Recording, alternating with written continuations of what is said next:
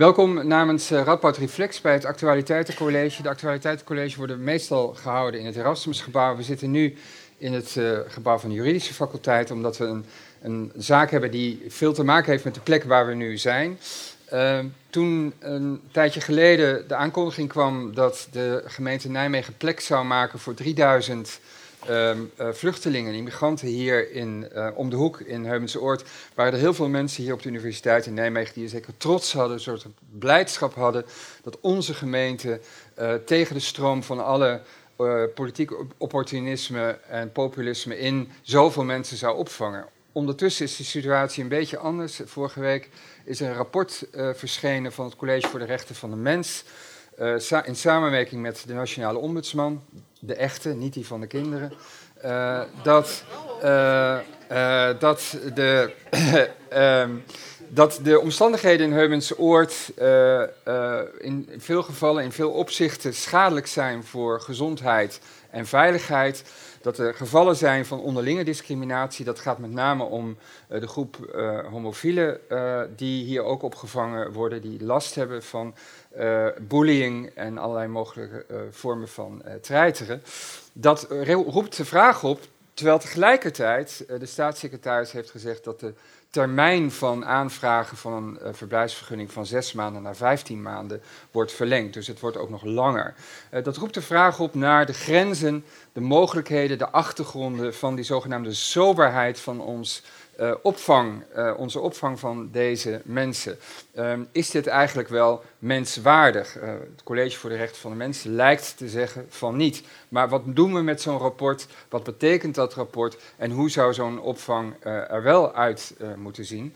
Um, daar gaan we vandaag, hebben we een, een eminente expert op dit terrein uh, bereid gevonden om ons daar door deze discussie heen te lozen. Kees Groenendijks, emeritus hoogleraar rechtssociologie, hier in, uh, uh, in Nijmegen. heeft veel involvement in Heumensoort, kent het van binnenuit, praten dus niet alleen maar van buitenaf um, over. Hij was ook nog voorzitter van het Centrum voor Migratierecht aan deze faculteit. zometeen een korte lezing door hem. Eerst een column door onze, een van onze vaste columnisten, Peter van der Heijden, parlementair historicus. Die komt eerst, dan Kees Groenendijk en dan een discussie. Uh, ik denk dat we dan snel gaan naar het publiek en vragen. We hebben drie kwartier. Precies na drie kwartier is er een college hiernaast, dus dan moet u weg, want dan komen er 400 rechtenstudenten. Uh, dus we gaan heel snel stoppen. Het woord is aan uh, Peter. Mensonwaardige opvang op Heumense Oord, lazen we deze week in de kranten en zagen we in het nieuws. De ombudsman en het College voor de Mensenrechten hebben dit in een rapport geconstateerd en de aldaar gehuisveste vluchtelingen hebben er al tegen gedemonstreerd. Nu was ik bijna twintig jaar geleden in Tanzania. En daar zag ik, weliswaar uit de verte, de opvang van vluchtelingen uit Burundi. Daarbij vergeleken valt het in Heumensoort allemaal wel mee, dunkt mij. Maar niet alles is relatief. Want wij zijn hier natuurlijk geen straatarm Tanzania, dat met de moed der wanhoop mensen uit een nabijgelegen oorlogsgebied opvangt en niet veel meer te bieden heeft dan bed, bad en brood, waarbij er van bad geen en van de rest nauwelijks sprake was. Wij bewonen een van de meest welvarende landen in de wereld, waar het een politieke keuze is om een sobere opvang te bieden, omdat een ruimhartige opvang een aanzuigende werking zou hebben. Om helemaal eerlijk te zijn, eh, zo is Heumensoord natuurlijk niet bedacht, als sobere, mensonwaardige opvang. Maar het is ook niet bedacht als wat het nu geworden is, een semi-permanente opvang voor een paar duizend mensen.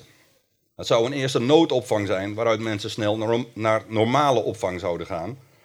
Waren het niet dat de politieke wind wat anders ging waaien en veel gemeenten na wat gesputter vanuit de bevolking niet meer mee wilden werken aan opvang. In rap tempo veranderde het mededogen met en de gastvrijheid voor ontheemde Syriërs tot een hoogtepunt gekomen door de verschrikkelijke foto van Aylan, het jongetje dat verdronken aanspoelde op de Turkse kust, in een ontmoedigingsbeleid. Ook vooral veroorzaakt door beelden, met name uit Geldermalsen, waar geen vluchteling te zien was overigens, en uit Keulen, waarbij nu ook weer erg getwijfeld wordt aan de betrokkenheid van vluchtelingen. Plotseling waren de vluchtelingen geen vluchtelingen meer, maar moslims. En moslims zijn eng. En ze zijn crimineel. En ze zijn uit op de verovering van het avondland. Ons avondland, waar ze de tolerantie om zeep willen helpen. En dan verkrachten ze ook nog onze vrouwen. Tegenhouden dus, dat potentiële gevaar.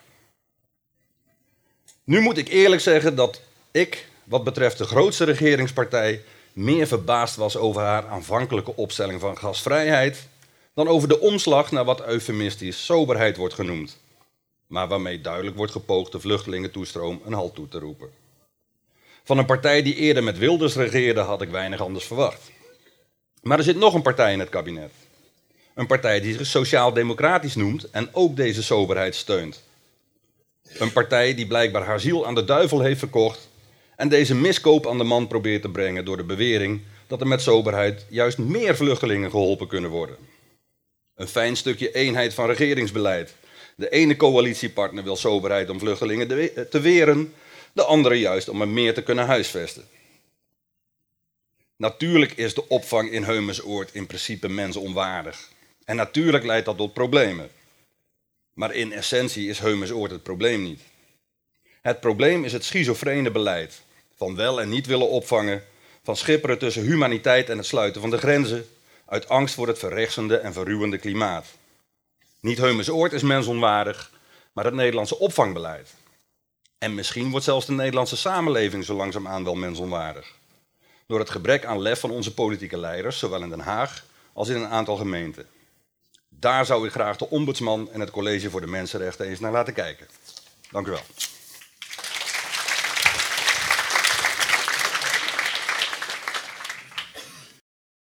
Heunsoord. Sober, maar humaan. Vooraf wou ik drie opmerkingen maken. In de eerste plaats is de Nederlandse overheid door de komst van grote aantal asielzoekers uh, vanaf september vorig jaar in een onmogelijke positie gekomen. Dat had ze overigens grotendeels aan zichzelf te wijten.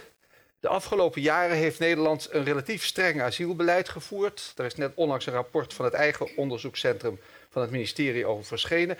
En relatief weinig asielzoekers opgevangen.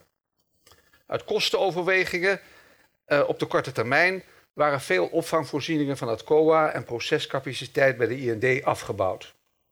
Maar ik begrijp de beslissing van het gemeentebestuur in Nijmegen om in oktober 2015 Hummersoord aan te bieden voor de opvang van een groot aantal asielzoekers gedurende korte tijd heel goed.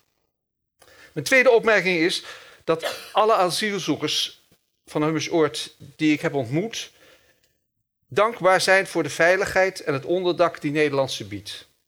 Ze roemen de vriendelijke ontvangst door de Nijmeegse bevolking op straat en in winkels en door de vele vrijwilligers die taalles geven, spelletjes organiseren en zo de maandenlange verveling doorbreken. Ze waren ook heel dankbaar voor het concert van het Nederlands Studentenorkest in de vereniging afgelopen zaterdag. Ze lieten me trots hun entreebiljet zien. We mogen naar een concert. Ze werden weer als mens en niet alleen als asielzoeker gezien. Mijn derde opmerking vooraf. Als politici en, of ambtenaren het woord humaan gebruiken, gaat bij mij altijd een rood lampje branden. Ik zie dat als een teken dat ze eigenlijk twijfelen of de bejegening wel aan ethische of juridische minimummaatstaven voldoet, maar dat ze hopen als je maar vaak genoeg humaan zegt, zij zelf en anderen gaan denken dat het aangeboden door de beugel kan. Welke rechten hebben asielzoekers? Dat was de vraag die mij voor vandaag werd gesteld. Echt een vraag voor een jurist. Het antwoord is: asielzoekers zijn mensen en dus hebben ze alle rechten die ieder mens in Nederland heeft op grond van de grondwet, het Europese Verdrag voor de Rechten van de Mens en het EU-grondrechtenhandvest. Ze hebben dus de vrijheid van godsdienst, de vrijheid van meningsuiting, inclusief de vrijheid om de Nederlandse taal te leren en lesboeken te gebruiken. De vrijheid van vereniging. Ze kunnen lid worden van een sportclub als ze geld hebben om de contributie te betalen. De vrijheid om te demonstreren en een petitie aan de burgemeester aan te bieden. Ze hebben vrijheid van beweging, mogen in Nederland reizen als ze geld voor het openbaar vervoer hebben en bezoek ontvangen in het kamp Heumensoord. Leerplichtige kinderen hebben recht op onderwijs. Voor de bewoners van Heumersoord was het een verademing dat de kinderen in januari eindelijk naar school gingen. En dus s'avonds moe waren, waardoor iedereen iets rustiger kon slapen. Asielzoekers zijn legaal in Nederland. maar hebben nog niet alle rechten, zolang ze nog geen verblijfsvergunning hebben. Het COA zorgt voor een beperkte gezondheidszorg, alleen medisch noodzakelijke zorg. Dus minder dan u en ik in het basispakket krijgen. Asielzoekers hebben geen recht om te werken als de asielprocedure nog geen half jaar duurt, maar ze mogen wel onbetaald vrijwilligerswerk doen. Het is onverstandig dat het COA daar niet meer bekendheid aan heeft gegeven, waarschijnlijk uit angst dat asielzoekers door vrijwilligerswerk zouden integreren in Nederland. Asielzoekers hebben geen aanspraak op sociale zekerheid of bijstand. Ze krijgen onderdank en voedsel en dankzij vrijwilligers ook kleding, maar nog steeds geen leefgeld. Op grond van de EU-opvangrichtlijn en van de Nederlandse wetgeving hebben asielzoekers recht op een klein wekelijks zakgeld. Om precies te zijn 12,95 euro per week per persoon. Maar het COA betaalt dat leefgeld nog steeds niet uit met het juridisch onhoudbare argument dat de asielzoekers op Heumensoord formeel geen asielzoekers zijn. Dat veroorzaakt veel problemen. Een deel van de asielzoekers is door zijn geld heen en kan dus geen beltegoed of iets voor de kinderen kopen. Dat leidt tot onderlinge diefstal en tot angst dat s'nachts mijn mobieltje, hun mobieltje, het enige contact met het gezin in het herkomstland wordt gestolen. Ten slotte hebben asielzoekers geen recht op gezinshereniging. Dat is voor de mannen die zonder hun gezin naar Nederland zijn gekomen hun allergrootste zorg. Daar kom ik nog op terug. Als rechtssocioloog weet ik dat er altijd een kloof gaapt tussen de rechten die je op papier hebt en de rechten die je in de werkelijkheid kunt realiseren. Bij asielzoekers is die kloof groter dan normaal. Niet alleen door gebrek aan kennis van wat precies hun rechten zijn, maar vooral door hun onzekerheid over hun rechten en hun extreme afhankelijkheid van de overheid. Wat gaat er gebeuren als we ons daadwerkelijk op onze rechten beroepen? Hoe gaat het COA reageren, de IND en de bevolking van Nederland? Het College voor de Rechten van de Mens wees erop dat in de huisregels van de COA staat dat elk voorval van geweld aan de IND wordt gemeld. Dus niet bij de politie, zoals je bij strafbare feiten zou verwachten, maar bij de IND met onvoorzienbare effecten voor je asielprocedure. De asielzoekers die maandag wilden demonstreren en een petitie aanbieden aan de burgemeester, waartoe ze het volste recht hebben, heb ik geholpen bij het leggen van contact met het stadhuis en de politie. Alle drie asielzoekers die met de burgemeester gingen praten, hebben bij mij bij herhaling gevraagd of ze daarvan echt geen nadelige effecten op hun asielprocedure zouden ondervinden. Ik heb ze bezworen van niet. En ik hoop dat ik daar gelijk krijg. Ik gokte erop dat de IND wel andere administratieve problemen aan het hoofd heeft dan deze drie namen te noteren. En ook dat de burgemeester zo nodig wel voor ze in de bres wil springen. Het College voor de Rechten van de Mens stelt in zijn rapport over de opvang op Hummensoord vast dat die opvang op drie punten niet voldoet aan de mensenrechtelijke minimumnormen. Ten eerste is er geen functionerend systeem dat garandeert dat klachten van asielzoekers over hun situatie daadwerkelijk worden behandeld en dat er iets mee wordt gedaan. In juristentaal, het ontbreekt aan een effectief rechtsmiddel om hun recht op dit punt te handhaven. Tweede punt is dat er onvoldoende bescherming is tegen discriminatie van bewoners die zich gediscrimineerd en onveilig voelen.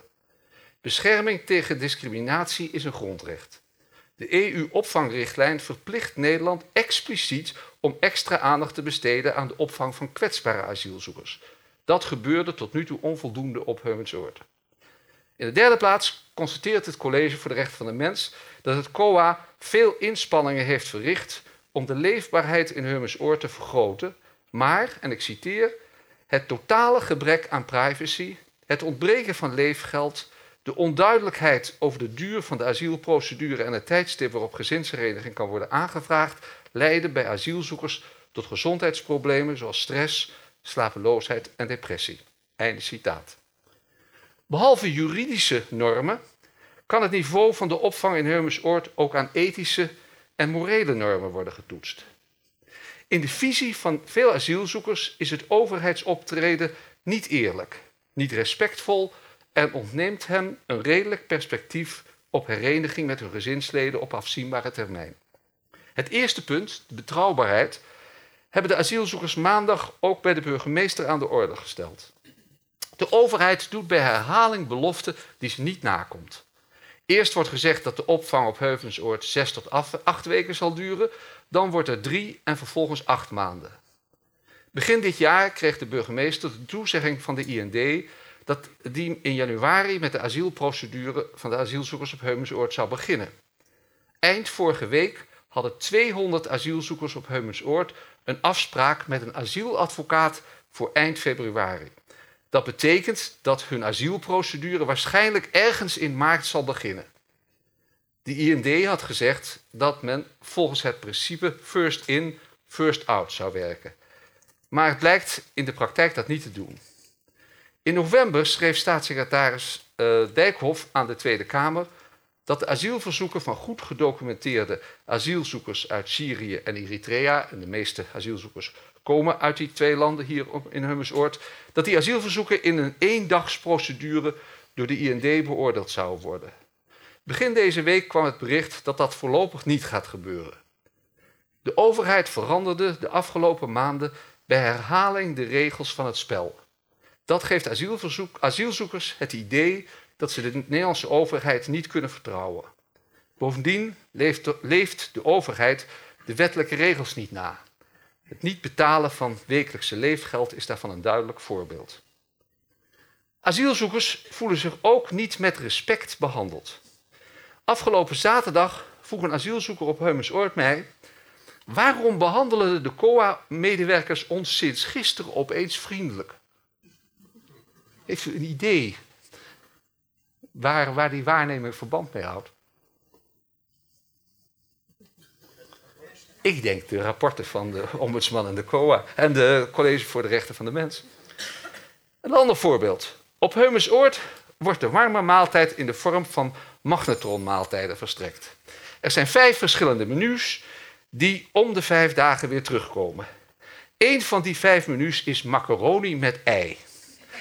Al snel hebben een groot aantal asielzoekers te kennen gegeven dat ze die maaltijd echt niet lekker vinden. Een groot aantal, grote aantallen van die maaltijd verdwijnen daarom steeds weer in de afvalbakken. Asielzoekers zeggen mij dat COA-medewerkers bij zulke gelegenheden zeggen: Als je niet tevreden bent, ga je maar terug naar je herkomstland. Of je moet dankbaar zijn voor wat je hier krijgt. Het wil er bij mij niet in dat het COA bij de cateraar, die al maandelijks 3000 magnetronmaaltijden per dag levert, niet gedaan kan krijgen dat er een andere maaltijd in plaats van macaroni met ei wordt opgediend, als het COA dat zou willen. Een ander voorbeeld. Kort na de start van de opvang in Heumersoord hebben een aantal vertegenwoordigers van asielzoekers aan het COA aangeboden om te overleggen over problemen en klachten van asielzoekers. Die vertegenwoordigers hebben twee keer met de COA-leiding gesproken. Daarna vond het COA dat niet meer nodig. Afgelopen week zei de COA-leiding opeens dat elk van de drie villages vertegenwoordigers moeten aanwijzen om te overleggen over klachten en problemen. Kennelijk ook een reactie op de rapporten die eerder die week uitkwamen. Maar de grootste zorg van veel asielzoekers is de levensgevaarlijke situatie van hun gezinsleden, meestal vrouwen en kinderen, die nog in Syrië zijn, en de grote onduidelijkheid over wanneer er zicht op gezinshereniging komt. Dat brengt me op een ander punt. In de column kwam het ook al aan de orde. Het niveau en de duur van de sobere opvang dienen ook om de boodschap uit te stralen dat Nederland geen aantrekkelijk land is om asiel aan te vragen. Dat wordt natuurlijk nooit door de overheid met zoveel woorden gezegd, maar iedere betrokkene weet dat het beleid mede door die overweging wordt bepaald. Dat betekent dat de behandeling van de mensen in Heumersoord mede dient als instrument om het gedrag van andere vluchtelingen te beïnvloeden. Het Duitse Bundesverfassungsgericht, het Grondwetshof, heeft in 2012 in een belangrijke uitspraak vastgesteld dat een dergelijke instrumentalisering van niveau van de opvang voor migratiepolitieke doeleinden strijdig is met artikel 1 van de Duitse grondwet. Die bepaling verplicht de overheid de menselijke waardigheid te respecteren en te beschermen. Die Würde des Menschen ist unantastbar, sie zu achten und zu schützen ist Verpflichtung aller staatlichen Gewalt. In de Nederlandse grondwet staat een dergelijke regel niet. Onze overheid is immers van nature netjes genoeg. Wij hebben zo'n regel niet nodig. Maar sinds het verdrag van Lissabon staat die regel wel in artikel 1 van het EU-grondwetshandvest, naar Duits voorbeeld. En is de Nederlandse overheid verplicht om die fundamentele regel ook bij de opvang van asielzoekers in acht te nemen. In de praktijk is de angst om liberaler te zijn dan de buren sterker. In november deelde staatssecretaris Dijkhoff mee dat de IND voortaan de volle negen maanden die de wet maximaal toelaat voor een beslissing op een verzoek om gezinshereniging van mensen die een asielstatus hebben gekregen, ook helemaal gaat gebruiken. Drie weken geleden kondigde de Duitse regering een wetswijziging aan dat mensen met een asielstatus twee jaar moeten wachten voor ze gezinshereniging kunnen aanvragen. Dus niet krijgen, maar aanvragen. Vorige week schreef staatssecretaris Dijkhoff aan de Tweede Kamer dat de beslissing op asielverzoeken voortaan wel tot 15 maanden kon gaan duren. 9 maanden plus 15 maanden is 24 maanden. Dus ook twee jaar. Dat kan toeval zijn. Maar de brief over die 15 maanden leidde tot grote onrust onder de asielzoekers in Heumersoord. Een Duits voorbeeld dat Nederland niet heeft gevolgd, is dat in verschillende landen bij de eerste registratie van de asielzoeker hij meteen een, een, een eenvoudig formulier krijgt waarop hij zijn opleiding, beroepservaring en dergelijke kan noteren. De arbeidsagentuur kan dan vaststellen welke aanvullende opleidingen de betrokken nodig heeft en waar zijn kansen op de Duitse arbeidsmarkt liggen. Aanvankelijk was het de bedoeling dat Berry Tolen, de politiek filosoof bij bestuurskunde aan onze universiteit, hier vandaag ook zou spreken. Hij had erop willen wijzen dat in het publieke debat over de grootschalige opvang van asielzoekers op Heumensoord drie argumenten vaak terugkomen. Ten eerste zijn de asielzoekers op deze manier toch in ieder geval beter af dan in kampen in Griekenland, Turkije of Libanon. Ten tweede is deze grootschalige manier van opvang beter te organiseren en goedkoper in de uitvoering. En ten derde werkt deze manier van opvang minder uitnodigend, zodat in de toekomst minder asielzoekers Nederland als doel kiezen. Alle drie zijn utilistische argumenten. Door voor deze opvang te kiezen is iedereen in termen van kosten en baten per slot van rekening beter af. De vluchtelingen die hier zijn, hebben het beter dan elders en de opvang is efficiënt op korte en op lange termijn. Maar de verwijzing naar landen in de regio of in Europa die minder bieden, laat zien dat we beseffen dat we eigenlijk tekortschieten gemeten naar onze eigen maatstaven. Het gaat om de opvang van mensen die bescherming en veiligheid zoeken en hun lot in onze handen hebben gelegd. Utilistische overwegingen kunnen juridisch onvoldoende reden zijn om onze eigen minimale mensenrechtelijke normen niet na te leven. Het argument dat de wijze van opvang een signaal is aan potentiële migranten om Nederland te mijden, noemt Tolen terecht een cynisch argument. Het degradeert asielzoekers die in Nederland zijn tot pionnen in een groter spel over hun hoofden heen, maar met hun welzijn als inzet. Hij wijst erop dat de echte utilitarist zich ook moet afvragen wat uiteindelijk de gevolgen zullen zijn van zo'n minimale opvang voor degenen die in Nederland zullen blijven. En de grote meerderheid van asielzoekers naar Heumersoord komt uit Syrië en Eritrea. En zij zullen uiteindelijk bijna allemaal een verblijfsvergunning krijgen.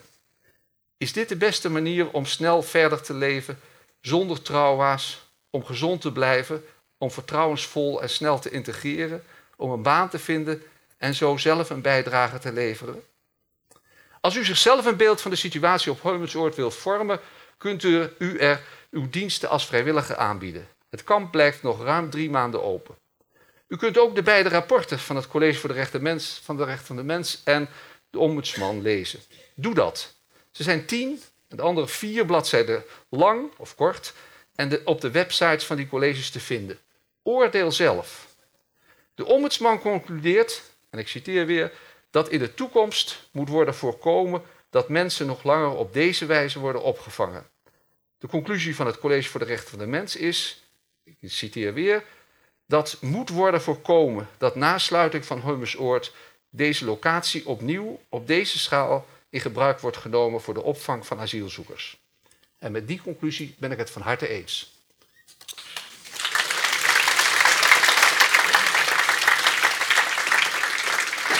Dankjewel. Uh, ik denk dat we snel naar het publiek gaan, maar voordat we naar het publiek gaan, misschien twee vragen. Ten eerste, uh, er werd al het Duitse perspectief genoemd. Hoe, doen, hoe goed of slecht, uh, rapport van het college van de mensen doen wij het in vergelijking met, laten we zeggen, omringende landen. Als ik de beelden zie van daar bij de, dat kamp daar bij die Eurotunnel, heb ik het gevoel, dan doen we het misschien nog niet zo slecht. Heb je enig, enig idee van het perspectief hier? Er is dus een angst om het beter te doen dan de buren. Nou, doen, nou, ja, we dat ook? De, vergelijking met het, met het kamp bij de Eurotunnel is, is om die reden niet goed. Omdat daar gaat het om mensen die, die geen enkele verblijf, dus juridisch gezien onrechtmatig daar verblijven, illegaal, mhm. zoals het heet. Terwijl hier gaat het om mensen die legaal hier zijn, mm waar, die Nederland, uh, waar de Nederlandse overheid de zorg voor zich opgenomen heeft.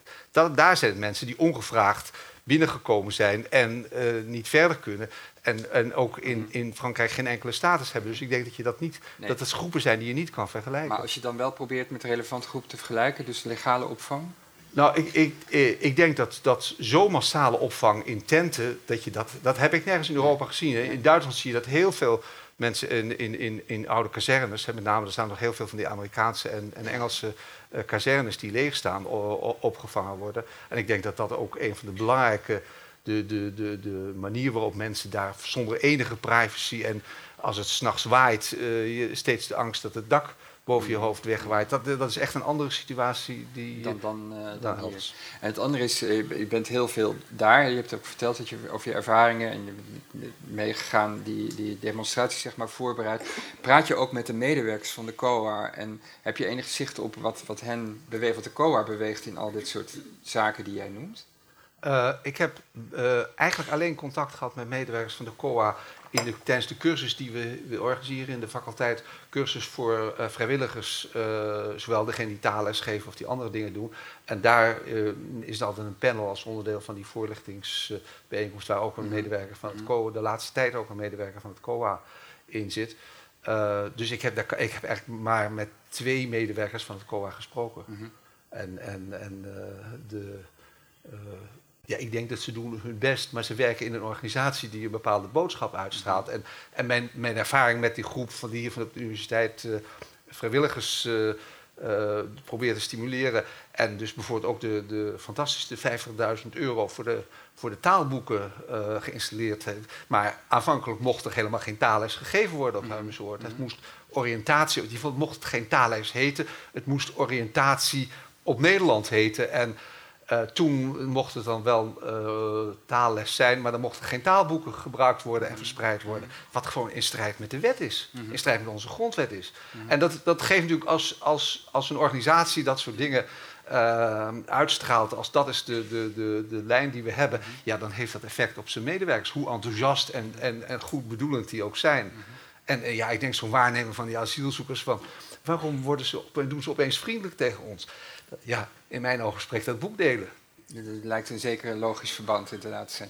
Ik denk dat we heel snel naar het publiek gaan. Uh, de regel is heel simpel. U wacht op de microfoon. Er zijn er twee. Uh, u, spreekt, u, steekt uw hand op, dan komt de microfoon op u af. Spreek duidelijk in de microfoon en stel een vraag van ongeveer één regel. Die eindigt met een vraagteken en geen, en geen statement, want we hebben weinig tijd. De eerste is hier.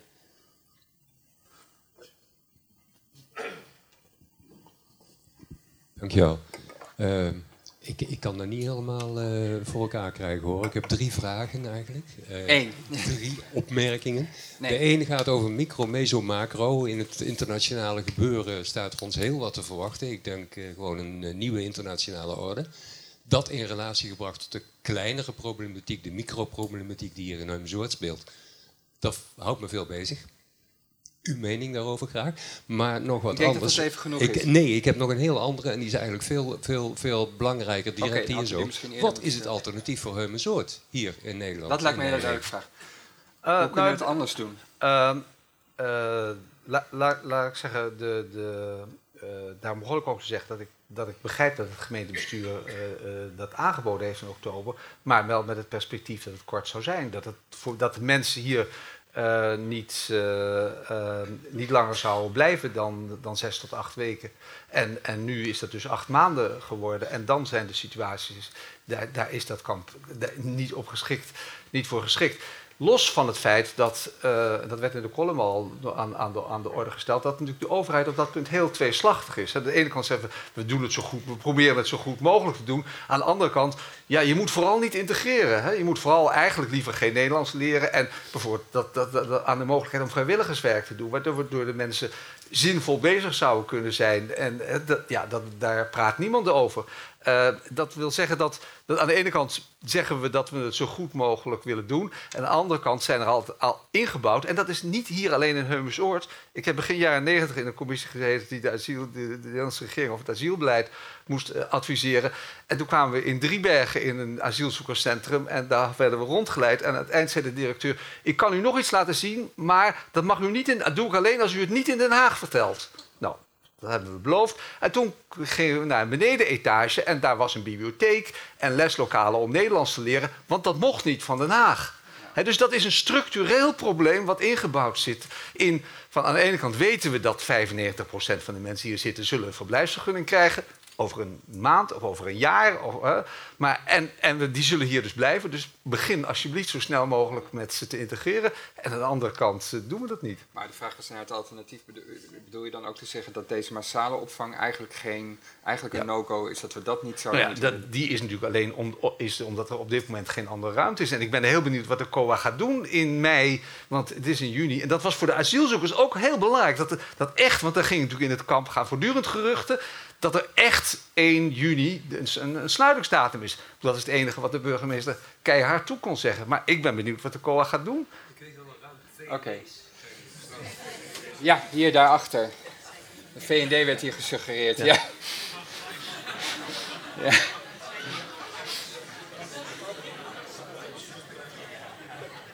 Nou, staat hij aan? Ja. Oké.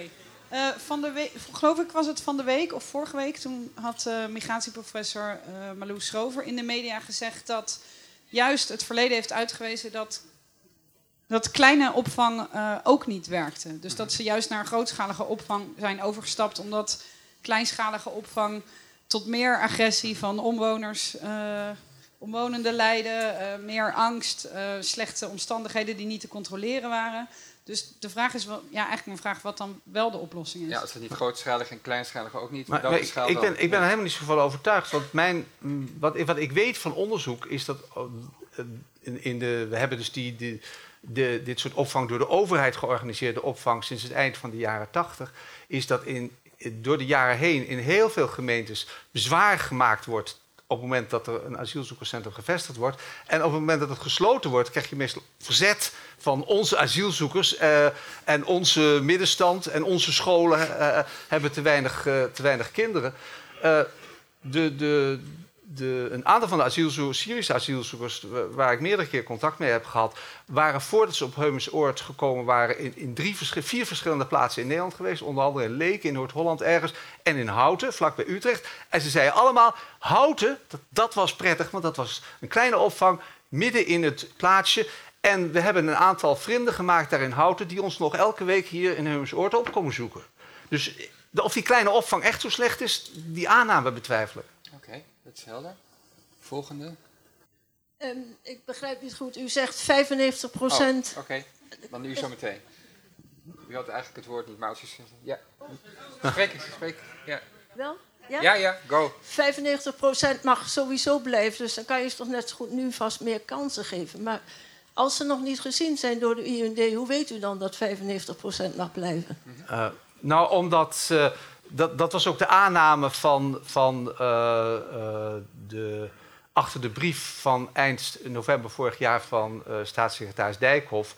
Dat de, de mensen uit Syrië en Eritrea, die goed gedocumenteerd zijn, die dus niet valse documenten hebben, maar echte documenten, dat, dat, dat we die hoe dan ook niet kunnen terugsturen naar, uh, naar de burgeroorlogssituatie of naar de abjecte uh, dictatuur in, in Turkije. Even in de Eritrea. Ja, die die ook, ja. Ja, sorry.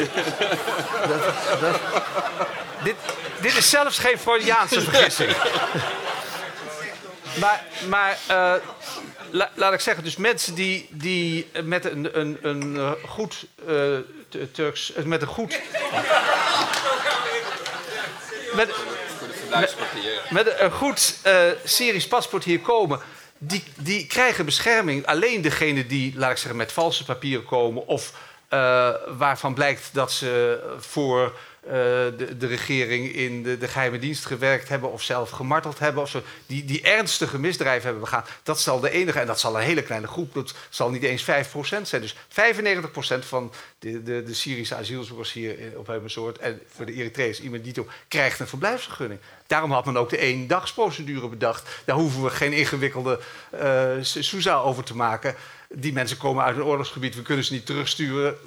Ja, het is gewoon logica dus eigenlijk. Ja. ja. Uh, was u? Uit uw verhaal blijkt duidelijk een probleem bij het COA, een structureel probleem. Wat gaan we daaraan doen, hier vanuit Nijmegen, vanuit de universiteit, dat die, die, die opvatting bij het COA toch echt anders wordt? Want u vertelt ook uit het verleden dat er geen taalles gegeven mocht worden. Hoe, waar komt dat vandaan en wat kunnen we eraan doen? Want nou, ja, alleen constateren is niet dat, genoeg. Dat is, dat, nee, dat is natuurlijk het probleem. Uh, daar, daarom noem ik het voorbeeld van, van uh, meer dan 25 jaar geleden. Uh, dat het een, niet een probleem van de COA-leiding nu is... of van de COA-medewerkers hier op Heumensoord is. Maar dat is een, leid, een, een probleem wat in de politiek ingebakken zit. In ons, in, in ons beleid van... we hopen dat als ze nou maar geen taalles geven en we ze niet op aan de arbeidsmarkt toelaten, dat ze dan of misschien eerder terug zullen gaan, of dat ze uh, geen. Uh, het idee dat ze door zich te, te, te, te integreren in Nederland. Ze, ze, misschien eerder een verblijfsvergunning zou kunnen geven. En dat is een verschil met andere situaties waar, laat ik zeggen, een, een veel groter gedeelte van de asielzoekers uiteindelijk geen vergunning krijgen. Daar, daar, dan speelt dat argument misschien iets sterker. Maar bij deze twee groepen uh, is, het, is het argument echt absurd. Je weet dat die mensen een verblijfsvergunning krijgen. Daarom had men op het ministerie ook de eendagsprocedure toen uh, bedacht. Da dan kan je beter meteen beginnen om ze uh, te kijken wat, wat ze in Duitsland doen. En meteen kijken wat zijn de opleidingen van die mensen. Wat zullen ze voor aanvullende opleidingen hebben. Waar kunnen ze op de arbeidsmarkt gebruikt worden. Nou, die mensen zitten hier nu al vier maanden. Niemand heeft ze dat gevraagd. Hè? Het ministerie van Sociale Zaken is niet langs geweest. Of van Economische Zaken met een formulier. Wat zijn jullie capaciteiten? Uh, terwijl we weten dat die mensen of over drie maanden, of over zes maanden, of over negen maanden komen ze op de arbeid. Hebben ze een, een, een verblijfsvergunning en zijn ze volledig gelijkberechtigd op de arbeidsmarkt. Nou, daar kan je maar beter nu meteen op voorbereiden. En de, in plaats van ze te laten vervelen hier, maandenlang. Wel, maar dat is dus een complex verhaal waar, waar verschillende ministeries bij betrokken ja. zijn. Maar de vraag was eigenlijk naar de aansturing van die COA. Want ook ja, maar die aansturing van die COA die ga je hier in Nijmegen niet veranderen. Dat kunt u wel willen, maar dat is echt dat is uh, gegeven in de politiek. Uh, dat, dat, gaat u hier niet. Dat nee. kan de gemeenteraad niet veranderen. En dat kan de vluchtelingenwerk hier niet veranderen. En u en ik hier ook niet. Hoe graag we zouden willen. In Den Haag politici. Ja. Dus de politiek in Den Haag. Dat is zu een zuiver een politieke keuze. Maar een politieke keuze die blijkt, dat was trouwens, dat, dat kwam ook in de column aan ja. orde, die behoorlijk breed gedragen lijkt, toch?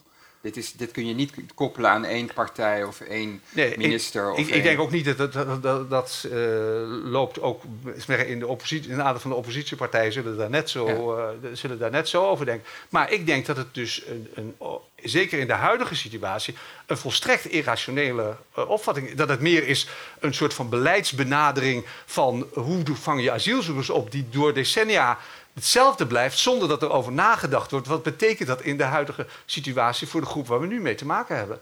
Of is het een, een hele duidelijke politieke agenda? Uh, maar hij is juist niet duidelijk, want hij is ambivalent, nou, zoals u terecht in uw column zei. Nou, maar, is, maar is dat misschien niet juist heel duidelijk? Dat de politiek juist wil eigenlijk eerder een binnenlands signaal van we doen wel ons best, we zijn stoer en we geven die mensen niet te veel een kans. Ik, ik ga er toch vanuit dat er een zekere politieke rationaliteit zal zijn, toch? Uh, ja, maar die, die politieke rationaliteit is mijn, mijn inziens gebaseerd op een, op een uh, volstrekt uh, onjuiste waarneming van wat deze groep, wat waar in deze groep verschilt van vorige groepen. Ja, maar dat is wel eens vaker het geval zijn met politieke ja. rationaliteit. Ja. ja? Hij komt, ja. Deze, als de uh, deze mensen die zouden bij van spreken in één dag een status kunnen krijgen. Er zijn 3000 mensen. 95% uh, zouden eventueel daarvoor in aanmerking komen. Dan heb je dus 2800 mensen. Maar als ze een status krijgen, waar, waar gaan ze dan naartoe? Is er dan plek voor om ze ergens anders te huisvesten? Wat gebeurt er daarna? Ja. Nee, goede vraag. Ik denk dat het antwoord nee is. En uh, gezien de politieke rationaliteit, zoals die net geschilderd werd, heeft onze huidige regering net een wetsvoorstel ingediend waarbij de bepaling in de huisvestingswet wordt geschrapt om gemeentes te verplichten om een bepaald percentage van de vrijkomende woningen aan asielzoekers, aan, vlucht, aan mensen met een status moet ik zeggen, aan vluchtelingen uh, te geven. Dat is een bepaling die we eigenlijk al sinds de jaren 50 in onze wetgeving hebben. Dat de gemeentes altijd verplicht zijn om bepaalde groepen, en dat zijn, uh, waren vroeger onder andere ook rijksambtenaren, maar te, te, daarnaast zijn het, zijn Indische Nederlanders, de Molukkers. Surinamers en Antilliaanse rijksgenoten in, in, de, in de jaren 70 omdat ze een bepaald gedeelte van de vrijkomende woning voor die groep moeten bestemmen. Die bepaling wordt geschrapt. Waarmee het probleem, en dat probleem is natuurlijk niet alleen nu, dat probleem is er over vijf en tien jaar natuurlijk precies zo. Want er blijft migratie uh, komen van welke aard, dan ook, waarmee men het probleem alleen maar groter maakt. Want de, gemeentes hebben geen wettelijke verplichting meer om, om het te doen. Nu is er nog die wettelijke verplichting. En en, en allerlei overleg dat gemeentes uh, woningen vrij moeten maken of, of, ruimtes vrij moeten maken voor de opvang van deze mensen. Dat gaat hem dus alleen maar groter maken, dat, uh, dat probleem. Daarachter. Over het COA. Ik werk niet bij het COA, maar als ik er zou werken, dan zou ik me als medewerker persoonlijk aangesproken voelen. En die nuances zou ik wel even willen maken. Ja, en ja, dat Wat is, gewoon. vraag? Dat is uh, mijn vraag. Of die nuance gemaakt zou kunnen worden. Het is een organisatie en je hebt medewerkers. Maar als medewerkers, als je hier zou staan, Die doen ook hun best. dan zou je heel ongelukkig zijn. Ja. En, eh, die nuance zou ik graag willen. Ja, het is natuurlijk lastig als individu in een organisatie te maken die een, die een, een bepaalde lijn heeft waar je misschien niet 100% mee eens bent. En bij- Je hebt geen, want inderdaad, je spreekt niet echt veel met COA-medewerkers. Heb je enig zicht op hoe dat, hoe dat ligt met loyaliteit naar de organisatie, waarneming van problematiek die. eh, Daar- ik, bedoel, ik heb met een beperkt aantal COA-medewerkers gesproken, daar heb ik geen duidelijk zicht op. Oké. Ja, ehm, even denken. Zijn er nog meer? Ja, hier. introductiecursus gevolgd eh, voor taal en eh, or- oriëntatie voor taal. We hebben boeken gekregen, maar we hebben geen vluchtelingen die we les kunnen geven. Want het blijkt dat vluchtelingen een, eh, een bepaald bedrag aan geld krijgen. En dat het dan een docent NT2 moet zijn die les geeft. Terwijl ik uit het onderwijs kom, geen NT2 heb, maar voldoende ervaring heb om les te geven. Nou, dat vind ik gewoon heel vervelend. Ja, dat, dat, zijn, dat zijn van dat soort gevallen, toch? Ja, nou ja, de, de, laat ik zeggen, dat is, dat is de, de, de regel die er tot nu toe was. Dat eh, eh, asielzoekers eh, in principe geen taalonderwijs krijgen, van door de overheid aangeboden taalonderwijs krijgen. Dat asielzoekers eh, die eh, kansrijk zijn, zoals het heette, in een bepaalde fase van hun procedure zitten, eh, dat die een beperkt aanbod eh, van een beperkt taalaanbod krijgen. Het, het probleem is dus dat, dat niemand verbiedt om, om vrijwillig eh, taalles te geven aan mensen. En als, als ik de, de, de asielzoekers die ik ken, een aantal daarvan zijn ook om eh, de, niet de hele dag aan de zorgen over hun gezin te denken, zijn ze, hebben zich fanatiek op eh, allerlei internetmogelijkheden gestort om de talen te leren. Laten we voortdurend schriftjes zien met hoeveel woorden, die ze al volgeschreven met Nederlandse woorden, om maar aan iets, aan met iets anders bezig te zijn. Dus vrijwillig onderwijs van, van, eh, van taal, dat, dat is mogelijk. Ik bedoel, daar, daar, dat, hè, dat kan de overheid niet verbieden. Ja. Oké, dat was daarachter. Dank u wel. Ben ik te horen trouwens? Ja, Ja. dank u wel. Ehm, in hoeverre denkt u dat een beroep op eh, onrechtmatige overheidsdaad zou kunnen slagen... eh, wanneer bijvoorbeeld een vluchteling zijn verblijfsvergunning heeft gekregen... want u zegt, er zijn ook grondrechten geschonden... dus in principe zou zo'n beroep mogelijk zijn. Procedure beginnen bedoel je? Ja, als men Ja. inmiddels een verblijfsvergunning eh, gekregen heeft... dus ook niet meer de angst heeft om eh, eh, ja, consequenties daarvan te krijgen... vraag zegt, wat je, ja. bij- wat je daarbij zou winnen, denk ik. Ja, Maar- nou, dat is, dat is natuurlijk. eh, als jurist, daar, daar heb je allerlei prachtige constructies. Maar, maar hier zou je dus moeten bedenken: wat, wat bereik je daarmee? Ik denk dat iemand die eh, een, een eh, asielvergunning heeft gekregen, die wil twee dingen. A, gezinshereniging. En Niet meer elke dag moeten eh, vrezen dat, dat de Russen nu ook hun stad zijn gaan bombarderen. En wat dat zal betekenen voor, eh, voor zijn gezin. Eh, en het andere is dat ze willen is graag werken, graag hier iets doen. En ik denk niet dat ze erg geïnteresseerd zullen zijn om een, een vordering tegen het ministerie in te stellen om, om schade die ze geleden hebben hier eh, vergoed te krijgen. Nou, ik doelde eerlijk gezegd ook niet op het individuele belang, maar meer op de precedentwerking die daar misschien vanuit zou kunnen gaan. Nou, eh, nou ik, ik denk wel wat, dat, dat, eh, het heel nuttig zou zijn om bijvoorbeeld nu een proefproces te beginnen tegen eh, de, de niet-uitbetaling van het leefgeld. Want dat is mensen is gewoon keihard in strijd met de EU-richtlijn en met ook de Nederlandse wetgeving. Dank ik u zou wel. zeggen, dit is een mooi practicum voor rechtenstudenten. eh, Ja, maar niet onbelangrijk voor de praktijk hoor, voor de mensen daar. Ja, de- ja, natuurlijk. Ja. Eh, er was, zag ik hier nog? Ah, die is al beantwoord. Eh, ja, er komt dan wel een microfoon. Ja. U zegt eh, dat het juridisch volstrekt onhaalbaar is om die mensen niet dat daggeld te geven. Maar wie kan actie ondernemen? Iedere- Waar gaat het iedereen. van uit? Iedereen. Eh, iedere asielzoeker en iedere burger, als u een, een, een asielzoeker of meer, liefst een asielzoeker die een gezin heeft. Want om in, in aanmerking te komen voor een toevoeging van een advocaat, en hier, dit is een, een, duidelijk rechtsbelang, en als mensen geen geld hebben, hebben ze ook aanspraak op rechtsbijstand, net zoals u en ik. eh, moet je een belang hebben wat meer dan 500 euro waard is.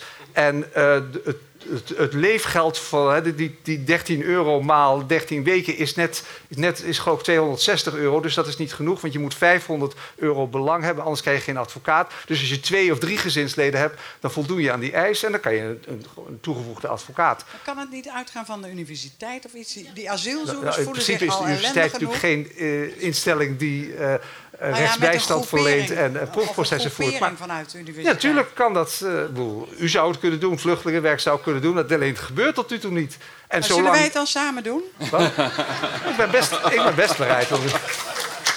ja, we gaan nu helemaal over tot de actie. Nou, nou Eh, om, om- wacht even, nog, nog even.